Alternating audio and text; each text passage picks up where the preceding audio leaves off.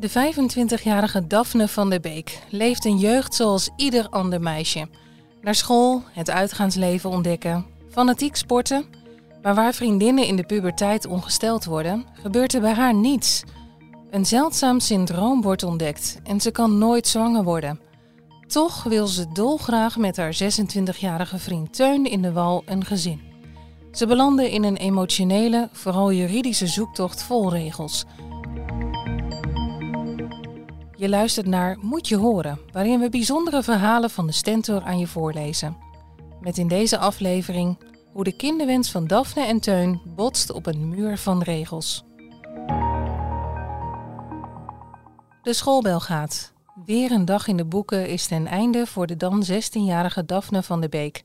Vanuit haar middelbare school De Marke in Deventer gaat ze, zoals iedere dag, terug naar haar ouderlijk huis in Olst. Daphne heeft een onbezorgde jeugd met veel vriendinnen. Het is het leven van ieder doorsnee meisje in de puberteit. Maar met Daphne is iets aan de hand.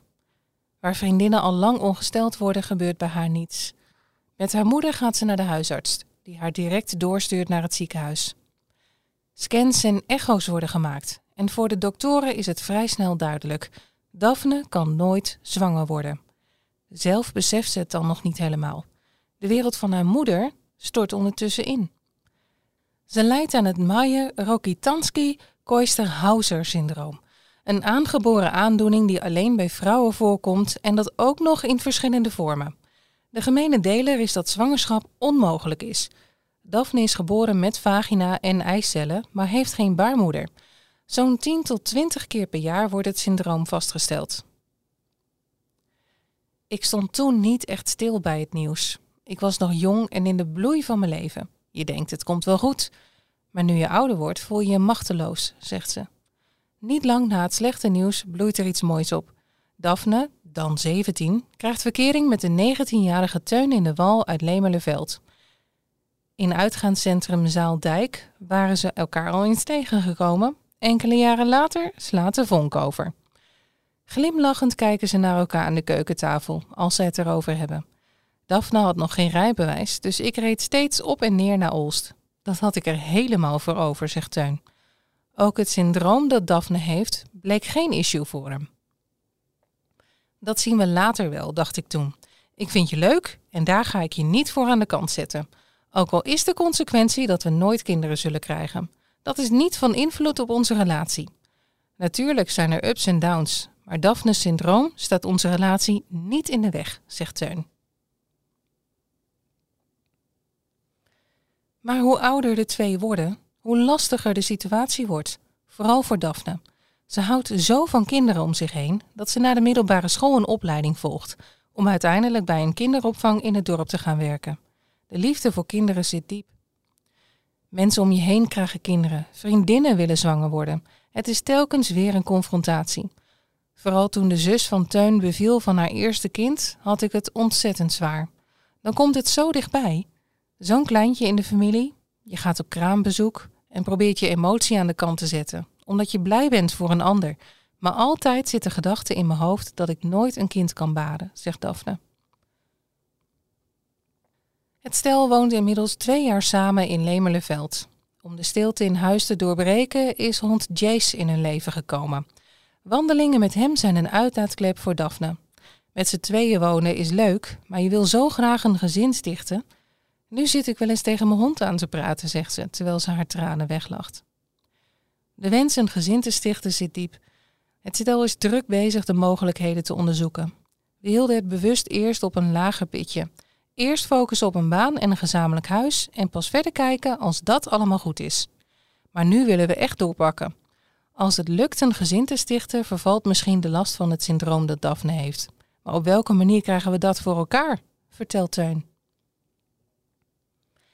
Het stel verdiepte zich in de mogelijkheden in binnen- en buitenland. Het is zo'n ver van je bedshow als je kijkt naar wat er in het buitenland kan. Los van de afstand spelen ook juridische redenen flink mee in het buitenland.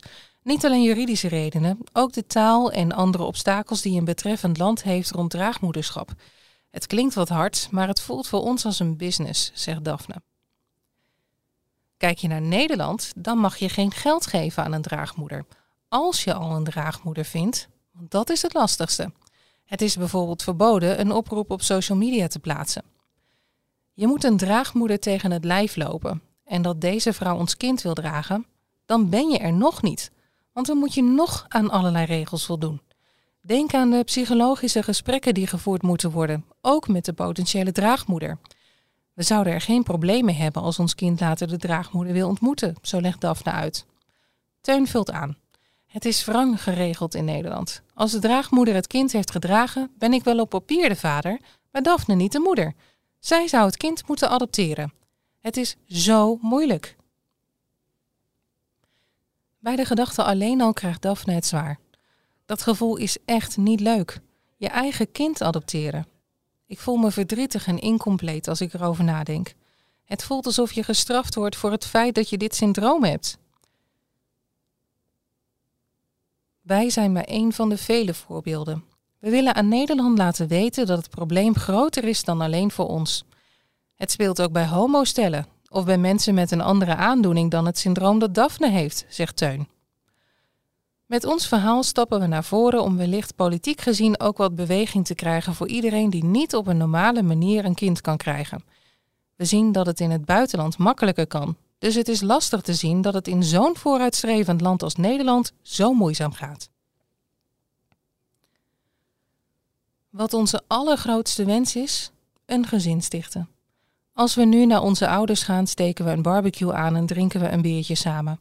Dat willen wij ook later. Een gezin waarmee je mooie momenten kan beleven. We zouden het onbeschrijfelijk vinden als we één gezond kind op de wereld kunnen zetten en daar alle liefde aan kunnen geven, zegt Teun. Daphne zegt hoopvol naar de toekomst te kijken door het ingediende wetsvoorstel.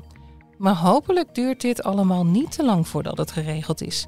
Voor mij zou het een grote opluchting zijn als ik mijn eigen kind niet meer hoef te adopteren. Fijn dat je luisterde naar Moet je horen. Wil je meer bijzondere verhalen? Ga dan naar de stentor.nl slash moet je horen of download onze app.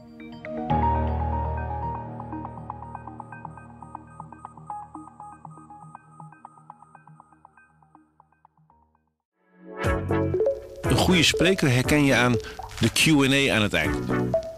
Onze lifehack-expert Martijn Aslander geeft je adviezen waar je echt wat aan hebt. Beluister en bekijk Martijn of een van onze andere experts op businesswise.nl. Businesswise, het nieuwe platform voor iedereen met ambitie.